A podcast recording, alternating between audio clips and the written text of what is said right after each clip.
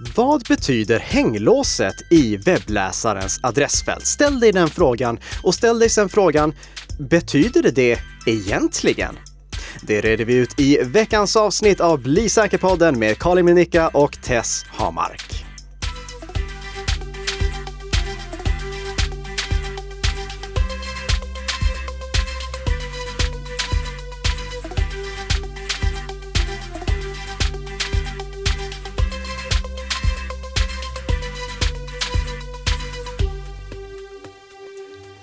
Ja, god morgon och välkomna tillbaka till Bli säker-podden och god morgon Tess får jag också säga. Ja men god morgon! Från Bredband2. Ja. Som producerar den här podden i samarbete med Nika Systems. Precis! Ja. Och du har fått rösten tillbaka. Jag, eh, jag kanske låter lite kraxig.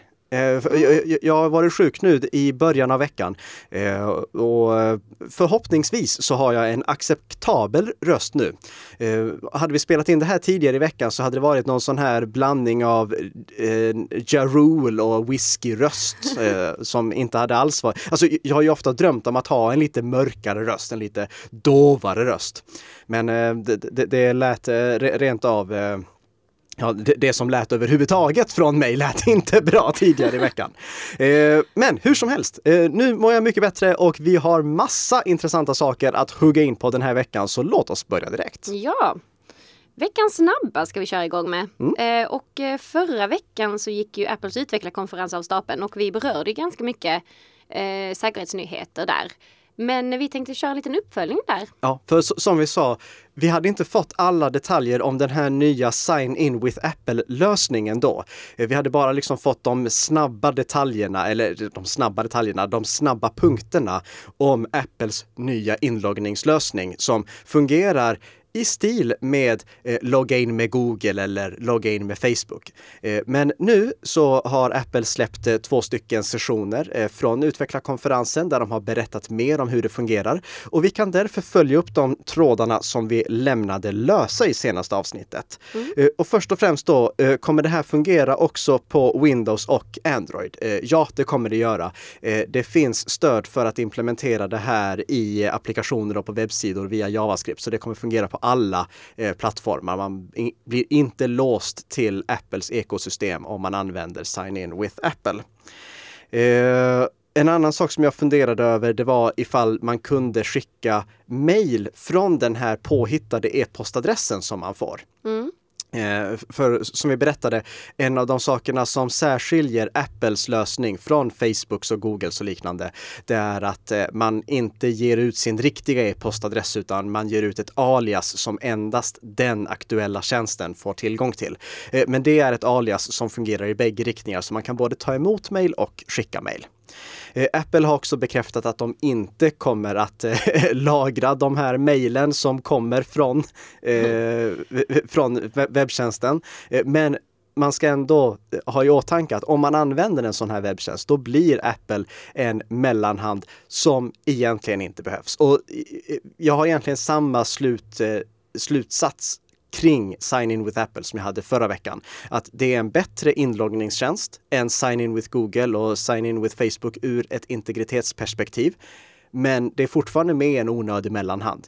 Och om vi bortser från att det är väldigt simpelt att skapa ett nytt konto och logga in med ett nytt konto med hjälp av den här lösningen så skulle jag ändå rekommendera att man använder en helt vanlig lösenordshanterare och inte involverar en tredje tjänst. För den tredje tjänsten, den här mellanhanden, Apple, Google eller Facebook, den behövs inte. Nej. Skapa ett konto med ett användarnamn och ett lösenord. Eh, det, det är det jag rekommenderar. Mm. Eh, Squirrel är släppt i skarp version. Mm. Och det här är en, eh, ett alternativ till att logga in med eh, användarnamn och lösenord som jag tror att vi har pratat om tidigare och vi kommer ha ett helt eget avsnitt om Squirrel också, eller SQRL som det stavas. Och första gången jag hörde om det, eh, jag tänkte att det måste vara över två år sedan nu eh, som det här projektet började, men det är över sex år sedan. det tog lite längre tid ja, än tänkt. Det, Steve Gibson som eh, är huvudhjärnan bakom det sa att det, det skulle ta några veckor att göra, men det blev sex år. Hur- Optimisten där. Ja, eh, hur som helst, det är ett nytt eh, väldigt intressant inloggningssystem eh, som eh, inte heller kräver mer än två parter, du som loggar in och tjänsten du loggar in på, och gör att du kan logga in på ett så säkert sätt, åtminstone i teorin, att det tar bort behovet av tvåstegsverifiering. Det som jag eh, pratat om tidigare, att vi behöver inte två stycken steg eller två olika faktorer om en, ett av stegen eller en av faktorerna är tillräckligt säker i sig. Eh, Eh, och det är det enligt den här lösningen i teorin. Men det är ju först nu som version 1.0 av den här lösningen är klar. Det är först nu som vi kan räkna med att de här riktigt kompetenta säkerhetsforskarna och de som har riktigt lång erfarenhet av inloggningssystem och autentiseringslösningar börjar kolla på det. Eh, det har liksom varit en stor community kring utvecklingen av den här lösningen eh, som har gjort att den har förbättrats och förbättrats och förbättrats över tid fram till nu 1.0 1.0-releasen. Men jag skulle säga att det, det är nu som liksom elddopet kommer, eh, där det är dags att se om den här lösningen faktiskt funkar i verkligheten eller inte.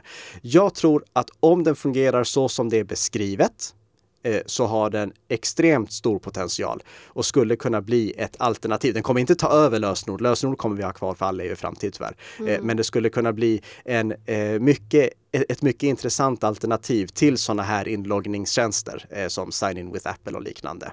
Eh, som gör att vi inte behöver använda lösenord på lika många eh, ställen som vi gör nu. Eh, för Principen med Squirrel det är att du skannar en QR-kod eller trycker på en knapp och så är du inne. Och om ni vill veta mer om hur det kan vara säkert så kommer det som sagt i ett helt eget avsnitt. Men det ser ju minst sagt lovande ut. Det ser jättelovande ut och nu hoppas jag bara att när de här riktigt kompetenta eh, personerna som förstår inloggningssystem och förstår riskerna med det på ett sätt som inte jag gör, som inte liksom de som har varit med i projektet gör. Det, n- när ja, den etablerade branschen börjar kolla på det. Nu, nu hoppas jag bara att det här faktiskt kommer flyga.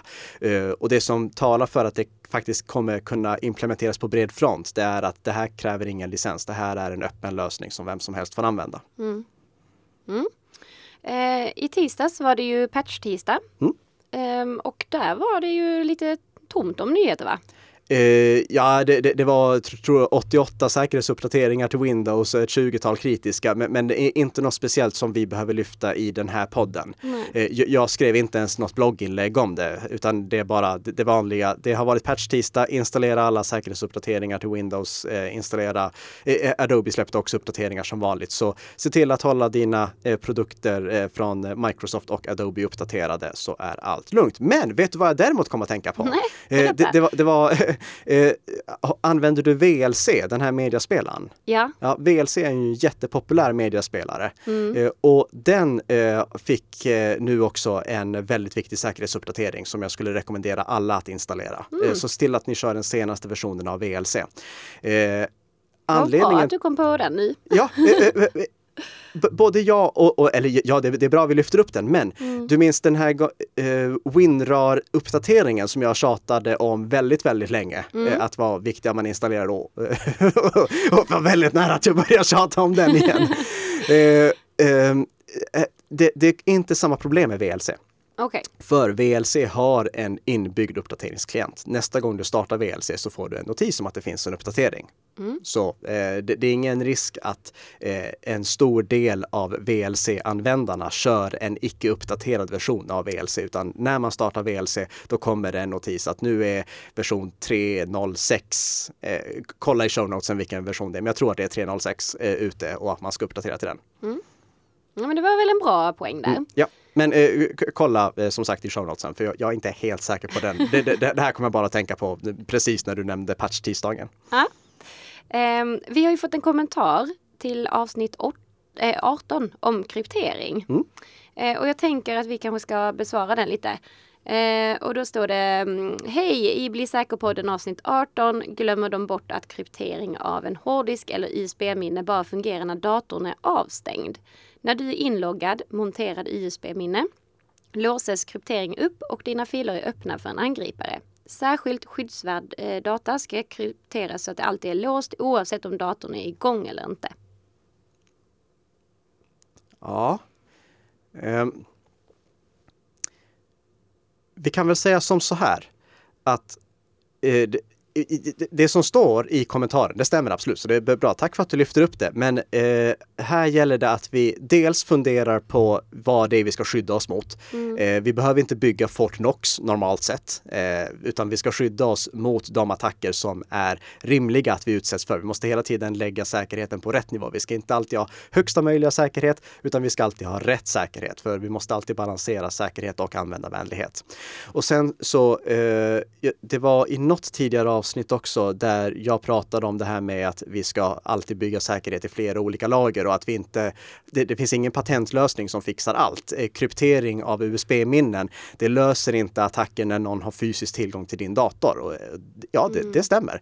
Eh, du måste fortfarande låsa din dator när du lämnar den. Alltså se till att och, om du lämnar din dator på arbetsplatsen eller hemma, lås den alltid. Det finns snabbkommando för det i både Windows och MacOS och du kan till och med använda wearables för att få datorn till att låsa sig när du lämnar den om du känner för det. Eh, lås alltid datorn. Eh, det, det, det, är viktigt också att, bara så inte någon missförstår här, eh, om du har till exempel ett USB-minne som är krypterat med eh, eh BitLocker och, eh, eller eh, eh, eh FileVault eller VeraCrypt, de tre lösningarna som vi nämnde i avsnittet. Mm. Och du sätter in det USB-minnet i datorn och låser upp det.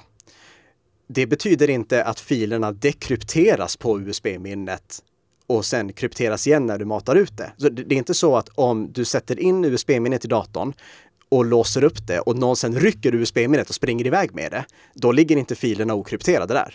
Utan det, det som är den potentiella attacken, det är att om du sätter i USB-minnet i datorn, låser upp det och sen någon annan har tillgång till din dator, ja då kan de komma åt filerna som ligger där på också. Eh, om vi skulle vilja ha absolut högsta säkerhet, då skulle vi i så fall bara dekryptera filerna en för en, med, precis medan vi arbetar med dem. Men det är det, det, finns sådana eh, eh, eh lösningar, eh, men det är extremt oanvändarvänligt och inte någonting som de flesta behöver.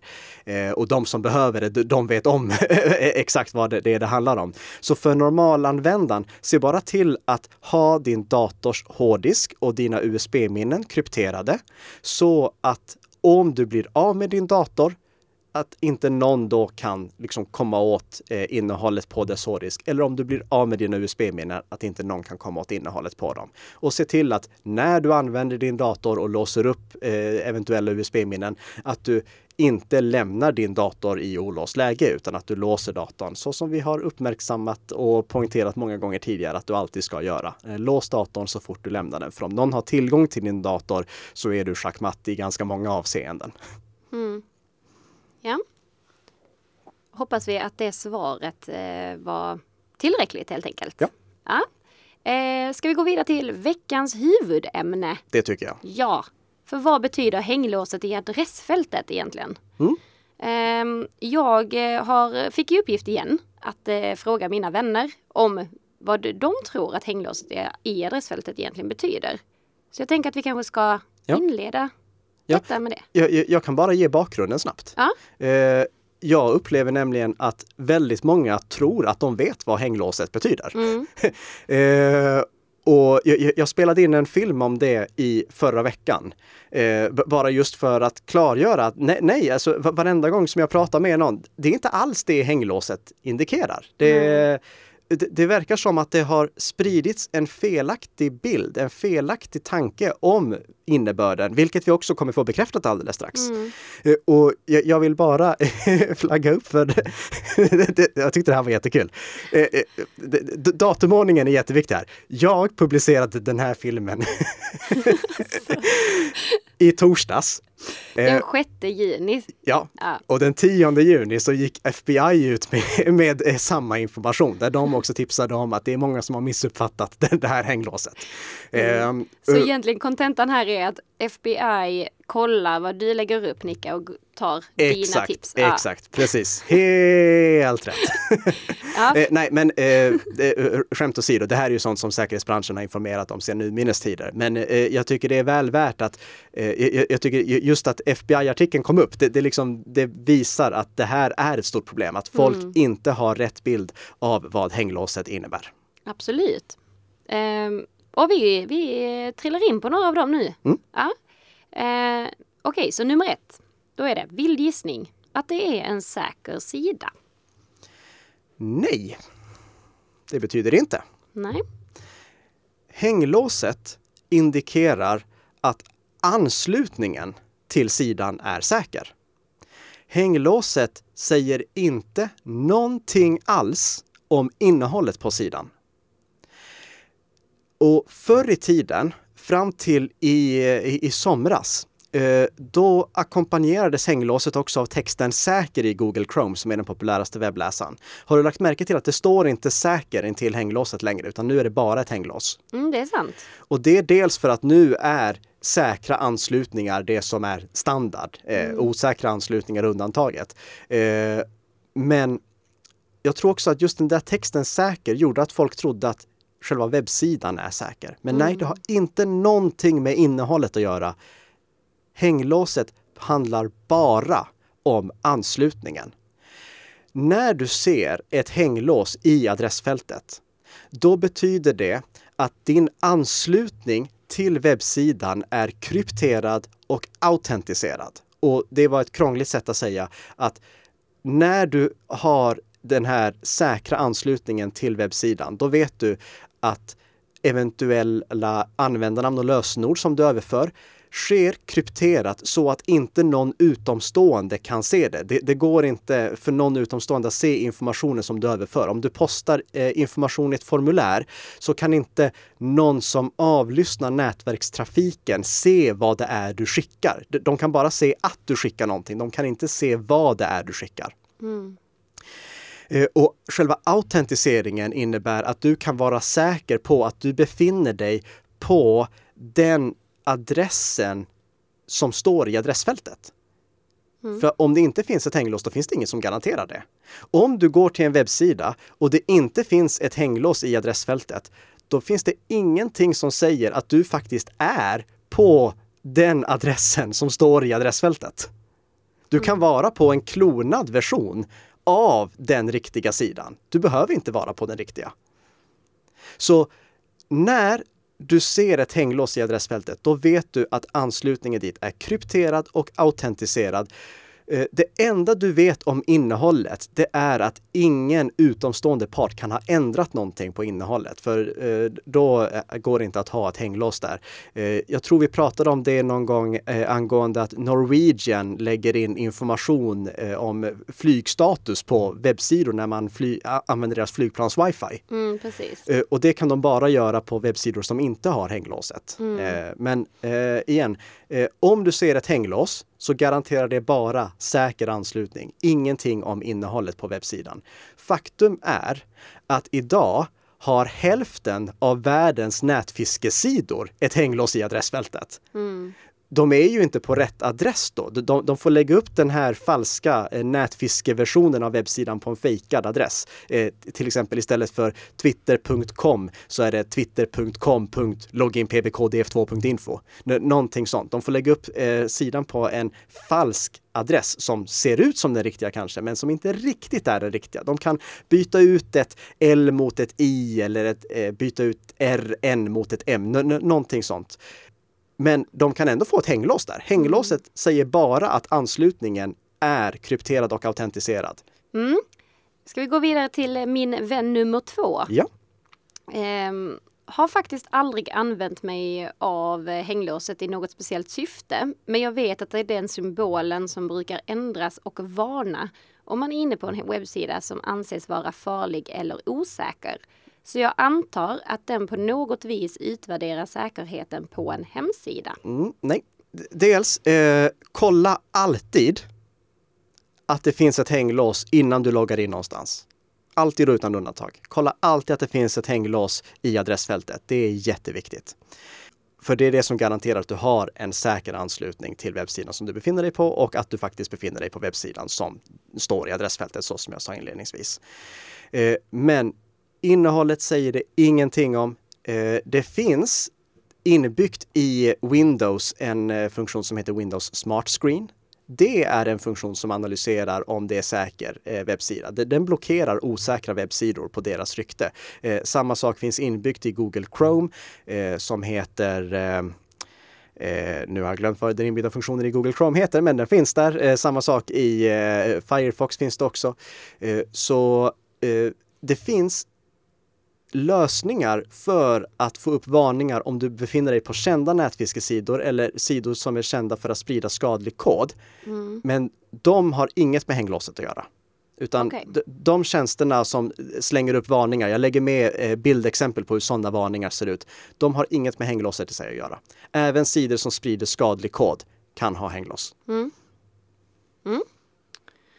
Ehm, HTTPS krypterad sida är min gissning. Var då min vän nummer tre. Eh, ja, eh, hänglåset betyder att du har en säker anslutning, en HTTPS-anslutning, en eh, HTTPS där S står för secure istället för HTTP där S inte finns med. Så ja, om du ser ett hänglås då betyder det att du har en säker anslutning, en, HTTPS-anslutning. Ehm, vän nummer fyra då. Att webbsidan är säker. Den har vi gått igenom. Den har vi gått igenom. Ja. Eh, kom ihåg eh, kontentan av det här. Hänglåset indikerar säker anslutning, inte säkert innehåll. Har du någonting mer på huvudämnet som du önskar ta upp? Eller ska vi gå vidare till faktiskt veckans lyssnarfråga om vi hinner med den? Eh, den hinner vi med. Jag, jag har bara egentligen en uppmaning. Ja. Snälla berätta det här för era vänner. Det, i- I och med att eh, liksom, när vi frågar dina vänner så finns det en missuppfattning när FBI till och med går ut med, jag förstår att det är en sak när Nikka Systems går ut med en varning om det, men när FBI går ut med en varning om det, då känns det som att det här är ett reellt problem. Så snälla, eh, hjälp oss att sprida den här informationen. Berätta för era vänner och bekanta om det. För jag tror att så många, och om man bara frågar dem, vad betyder hänglåset? Så vet alla vad hänglåset betyder. Problemet är att de vet fel. Intressant. Ehm, men då går vi vidare. Mm. Ja, veckans lyssnarfråga. Då har vi en Daniel på Facebook och han skriver följande. Hej! Tack för en jättebra podd. Eh, jag skulle önska att ni behandlar skillnaden mellan en mjukvaru och en hårdvarubaserad brandvägg. Exempelvis om man som privatperson behöver skaffa en hårdvarubaserad brandvägg för att få möjligheten att använda VPN. Tack på förhand. Och jag, jag tror vi kommer ha ett avsnitt där vi pratar om brandväggar också, för det finns jättemycket att säga om brandväggar. Eh, Men grundprincipen för en brandvägg, det är egentligen att du separerar två stycken nätverk på ett eller annat sätt. Eh, Du vill inte att ditt lokala nätverk ska vara fullt exponerat mot internet, så du har en brandvägg som separerar de två. Eh, en hårdvarubaserad brandvägg det är att du har en eh, dedikerad maskin, eh, en, en serverliknande produkt som kör en mjukvarubaserad brandvägg, alltså mjukvaran som är själva brandväggsmjukvaran som sköter all filtrering och blockering. Eh, mjukvarubaserad brandvägg, det brukar dock inte syfta på mjukvaran som körs i en hårdvarubaserad brandvägg, utan det brukar syfta på att du har en applikation på din dator som fungerar som en brandvägg, vilket finns inbyggt i både Windows och MacOS nu och som alltid ska vara aktiverad. Även om du har en hårdvarubrandvägg som skyddar ditt nätverk så måste du ändå ha aktiverat en mjukvarubrandvägg på din dator som skyddar eh, från attacker som kan ske inne i nätverket. En av anledningarna till att Windows var så lätt att attackera i början av 00-talet, det var att den inbyggda brandväggen inte var, det, det fanns ingen inbyggd brandvägg som var aktiverad som standard. Eh, det kom i samband med Windows XP Service Pack 2. Då, då eh, eh, aktiverades Windows-brandväggen som standard och såg till att inte alla världens Windows-datorer infekterades. Eh, men eh, kort och gott, eh, en brandvägg används för att eh, separera någonting. Eh, Det, det kan vara separera ditt nätverk från internet eller separera din dator från nätverket för att filtrera, blockera anslutningar så att inte allting är exponerat. Eh, och du behöver både ha en hårdvarubrandvägg och en mjukvarubrandvägg. Du behöver en mjukvarubrandvägg på din dator och en hårdvarubrandvägg för ditt nätverk. Och du behöver inte gå ut och skaffa någon sån. Du behöver inte skaffa en hårdvarubrandvägg. För du har redan en. Din router är per definition en brandvägg. Eh, din konsumentrouters funktionalitet är en brandvägg. Den separerar ditt lokala nätverk från internet eh, när den översätter publika IP-adresser till lokala IP-adresser. Så du har redan en hårdvarubrandvägg. Eh, det, det finns många olika typer av hårdvarubrandväggar, men den, din router är i grund och botten en hårdvarubrandvägg. Och den ser till att inte några anslutningar som kommer utifrån in till dig släpps igenom, utan endast anslutningar som du öppnar från insidan av ditt nätverk eh, ut släpps igenom. Eh, och jag brukar likna det här lite vid eh, tiden eh, då Tess fortfarande var singel. Minns du den tiden? Jag minns den. Ja, Ja. Eh, då hängde du ju på krogen hela tiden. Åh gud ja. Och du minns de här dräggiga killarna som kom fram. Tjena, tjena, läget och sånt. Ja. Om du hade haft motsvarigheten till en brandvägg med dig, då hade du sluppit dem. ja, det hade varit fantastiskt. För de öppnar ju anslutningen till dig. Och då hade din brandvägg sagt stopp. Du får inte prata med Tess. Medan om du hade öppnat anslutningen, du såg, ja men han där, han verkar ju trevlig. Och du börjar prata med honom. Då släpper brandväggen igenom det. Och samma sak är det här att om någon på internet försöker börja prata med en dator som är på insidan av ditt lokala nätverk så blockerar brandväggen det. Medan om du öppnar anslutningen ut så fungerar det. Eh, vi har ju pratat om det här med att om man vill komma åt eh, nätverksresurser på insidan av nätverket över internet så måste man öppna portar till det, vilket man måste göra med väldig försiktighet. Eh, då, det- just den här portöppningen, den krävs för att man ska kunna ansluta in till sitt eget nätverk, för annars blockerar ju eh, brandväggen de anslutningarna i och med att de kommer utifrån. Eh, Så eh, du, du har redan en eh, hårdvarubrandvägg i form av din router. Eh, den är väldigt grundläggande, men den fyller sin simpla funktion och du har redan en mjukvarubrandvägg för det finns inbyggt i både Windows och MacOS. Jättesmidigt. Eh, Eh, behöver du skaffa någon speciell hårdvarubaserad brandvägg för att eh, få möjligheten att använda VPN? Vi har ju också VPN i ett kommande avsnitt. Eh, det som jag tror att Daniel syftar på här, det är att han vill komma åt sitt lokala nätverk över internet. Och om man köper en Enterprise-brandvägg, då finns det ofta möjlighet att ansluta till en VPN-server som är inbyggd i den brandväggen. Det finns också i vissa konsumentroutrar. Asus har det i några av sina. Problemet med konsumentroutrar, eh, utöver då att det inte finns eh, VPN-servrar i alla, det är att de ofta är för klena för att kunna ge bra prestanda. För det krävs en del hårdvaruprestanda för att det ska funka bra.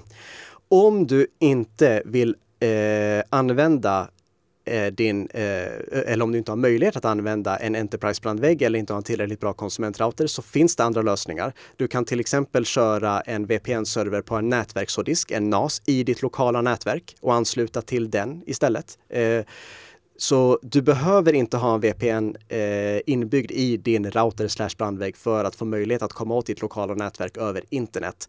Eh, det är en smidig lösning, men det finns andra lösningar också. Du kan köra din eh, VPN-server inuti det lokala nätverk eh, och bara öppna en port till den servern som den eh, VPN-servern körs på.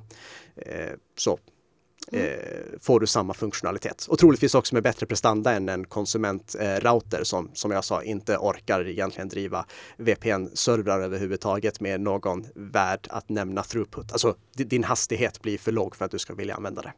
Det finns självfallet undantag. Det finns jättekraftfulla VPN-routrar också. Eh, men många konsumentroutrar som skryter med att de har funktionen inbyggd är egentligen för klena för att de ska ha den inbyggd. Var det något mer du ville säga där till eh, Daniel? Nej, jag tror att det var svar på frågan. Mer än att önska honom en trevlig helg. Ja, en- precis. Och eh, önska honom trevlig läsning också. För Ja. i och med att han fick eh, eh, med veckans lyssnarfråga så får ju han också bli säkerboken.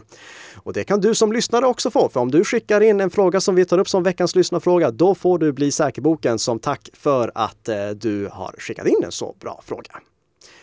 Och med det sagt så är det nog dags att runda av. Ja, Ja, det, jag, jag, jag vi hade redan avrundat där. Ja, det, eh, tack så jättemycket för att du har lyssnat. Eh, skicka jättegärna in en recension på eh, Apple Podcast om du gillar den här eh, podden och tipsa jättegärna dina vänner så att de också blir lite säkrare för varje vecka som går. För vi är tillbaka nästa fredag igen med ett nytt avsnitt av Bli säker-podden med Karl Emil Nicka Och Tess Amart.